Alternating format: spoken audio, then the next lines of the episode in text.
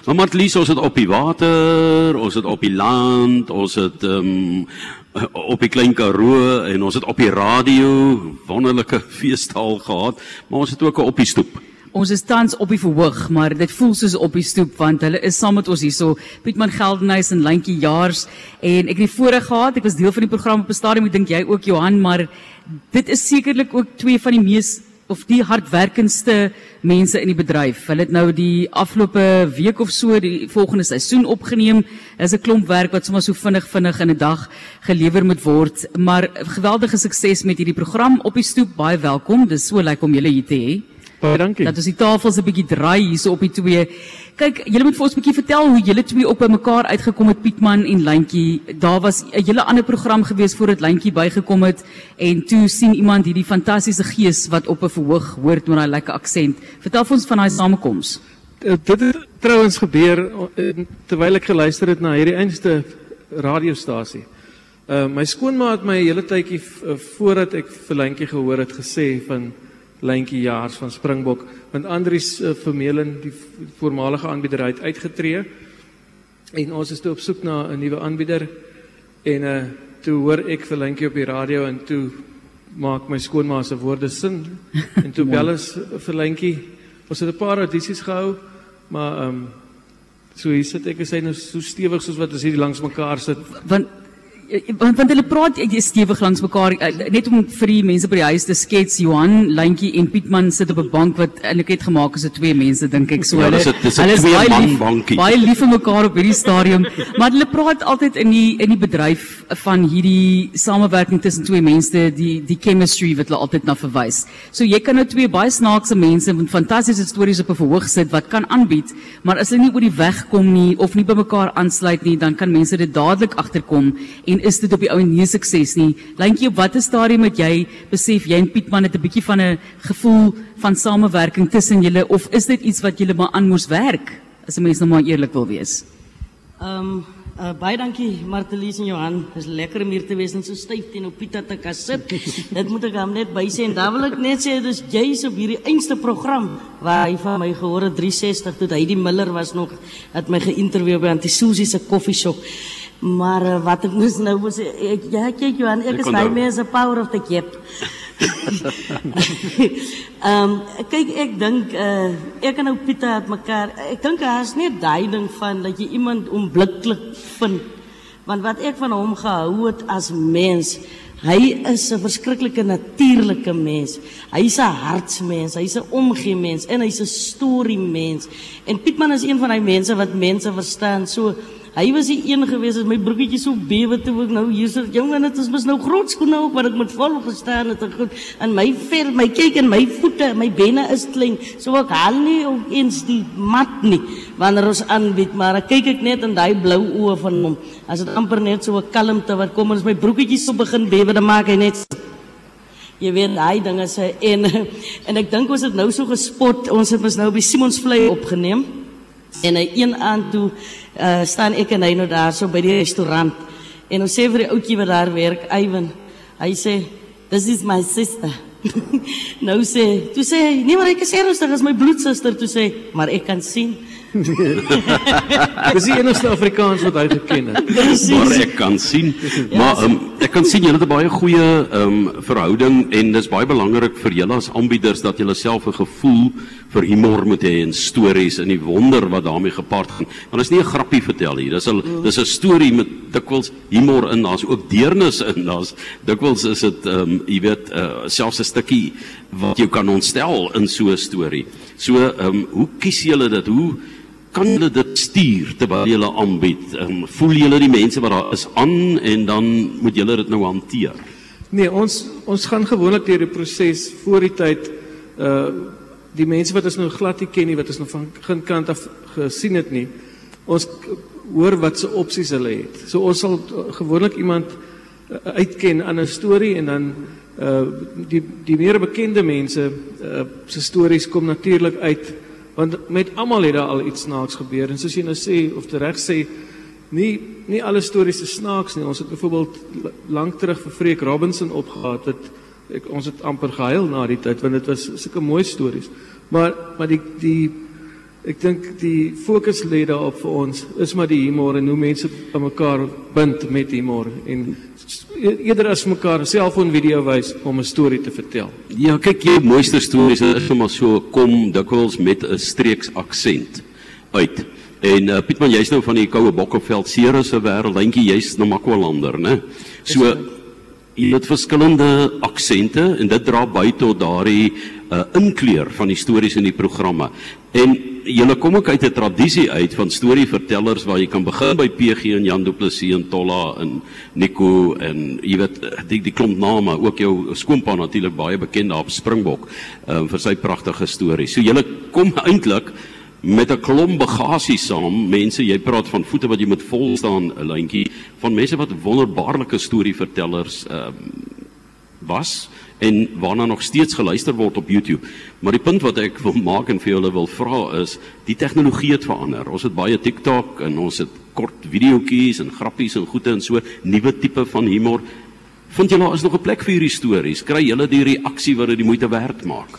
Ek dink so. Ek dink ook 100% Ek dink beslis, ek dink mense se se konsentrasie of die die uh, attention span het drasties verminder.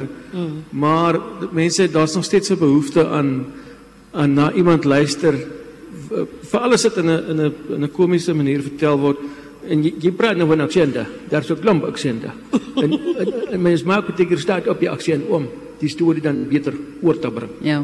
Want ek wil vir julle dink so lank aan 'n storie toe. Dit is nou soos om vir 'n komediant weer eens te sê vertel 'n grappie, maar dit sal dalk is daar 'n 'n gunsteling storie wat al vir julle uitgekom het wat julle vir ons kan vertel, maar net gou vinnig op die noot van jy praat van die meer bekende mense, daar is ook baie onbekende stemme wat julle nooi na die program toe en ek dink dit speel 'n geweldige belangrike rol om Suid-Afrika se stories te vertel vanuit mense wat dit nie as 'n professie noodwendig volg nie of dan daaruit 'n loopbaan kan bou want iemand sien hulle raak en sê kom jy weet ons wil vir jou op ons verhoog ook sit by ander geleentheid of hoe dit ook al sê. Dis belangrik om daardie nuwe talent ook te identifiseer so. En dit is vir my seker een van die groot lekkerte van op die stoep, die feit dat ons kan uitgaan in in in 'n storie vertel toer kan doen om te kyk na storievertellers en ons het laas jaar het ons jonger storievertellers ook gehad om te wys maar hierdie kinders het geleer by hulle se paas, hulle het geleer by hulle se maas en hulle wil ook hierdie stories voordra. So dit wys jou net daar is nog soveel stories wat vertel kan word. En dan moet ek nou net sê ek kan maar nou nie omdat hy nou hier langs my sit nie. Maar ek wil net sê hy is vir my een van die wonderlikste storievertellers. Hy is vir my 'n groot voorloper ook by waar ons vandag is en ek dink uh, Pieter is hy hy Here hy's gebore Merit. Ek dog jy praat vir my. Ek was nou so Ek het opgewonde. gedink jy praat van jou aan. maar eh, Pietman jy kom ook al 'n baie lank pad jy was oor see ek dink baie mense ken hom nou al jou agtergrond goed en ek onthou tot vandag toe nog jou eerste onderhoud met ons um, by RSG in die Seepunt Ateljee waar Johan toe van jou gehoor het hy sê maar kom ons kry hierdie ou in waar jy nog op daai stadium vir mense by hulle huis gaan kos maak het en dan vertel jy nou stories en toe kom jy en jy meng toe vir ons 'n drankie ek ek onthou so iets Dis 'n bloody Mary. dis 'n ja dis 'n lang pad daai né wat jy nou al gestap het Dit is 'n baie lang pad. Dit het, dit kan byna 15 jaar terug wees, uh, indien nie langer nie. Maar ek onthou nog ek daar ek het verskillende die uh, variante van 'n Bloody Mary, die Bloody Ginny, 'n Bloody Jenny en 'n Bloody Hell. Dit het, dit het te veel te baske bygooi. Maar dit is 'n lang pad. Ja, maar jy het in die Verenigde Koninkryk wat het jy um, in kroeg gewerk en en en en, Oh, en yes. baie drankies gemaak. I did. I was a cocktail barman in London, and uh, I did all sorts of things in Scotland as well.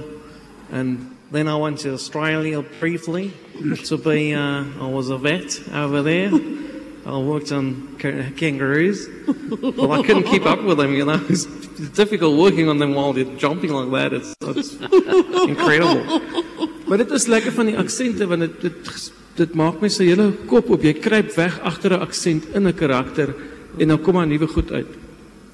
Hier is natuurlik 'n produksie wat jy ook kan ondersteun by die KAKNK en dit is 07:30 wat jy die op die stoep kan geniet hier in die Klein Karoo. 'n Lekker geleentheid en daar is uh, baie interessante gaste wat ook by julle gaan aansluit, maar Gertjie Orendaal sien ek so hier op die papier met die inligting.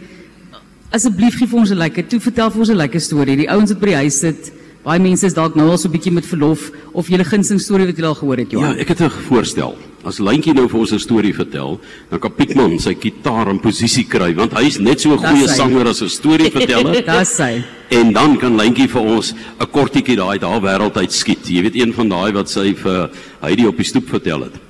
Wonderlik. Moet ek nou so lank begin vertel so lank Boeddha Piet nou die gitaar uh, regmaak.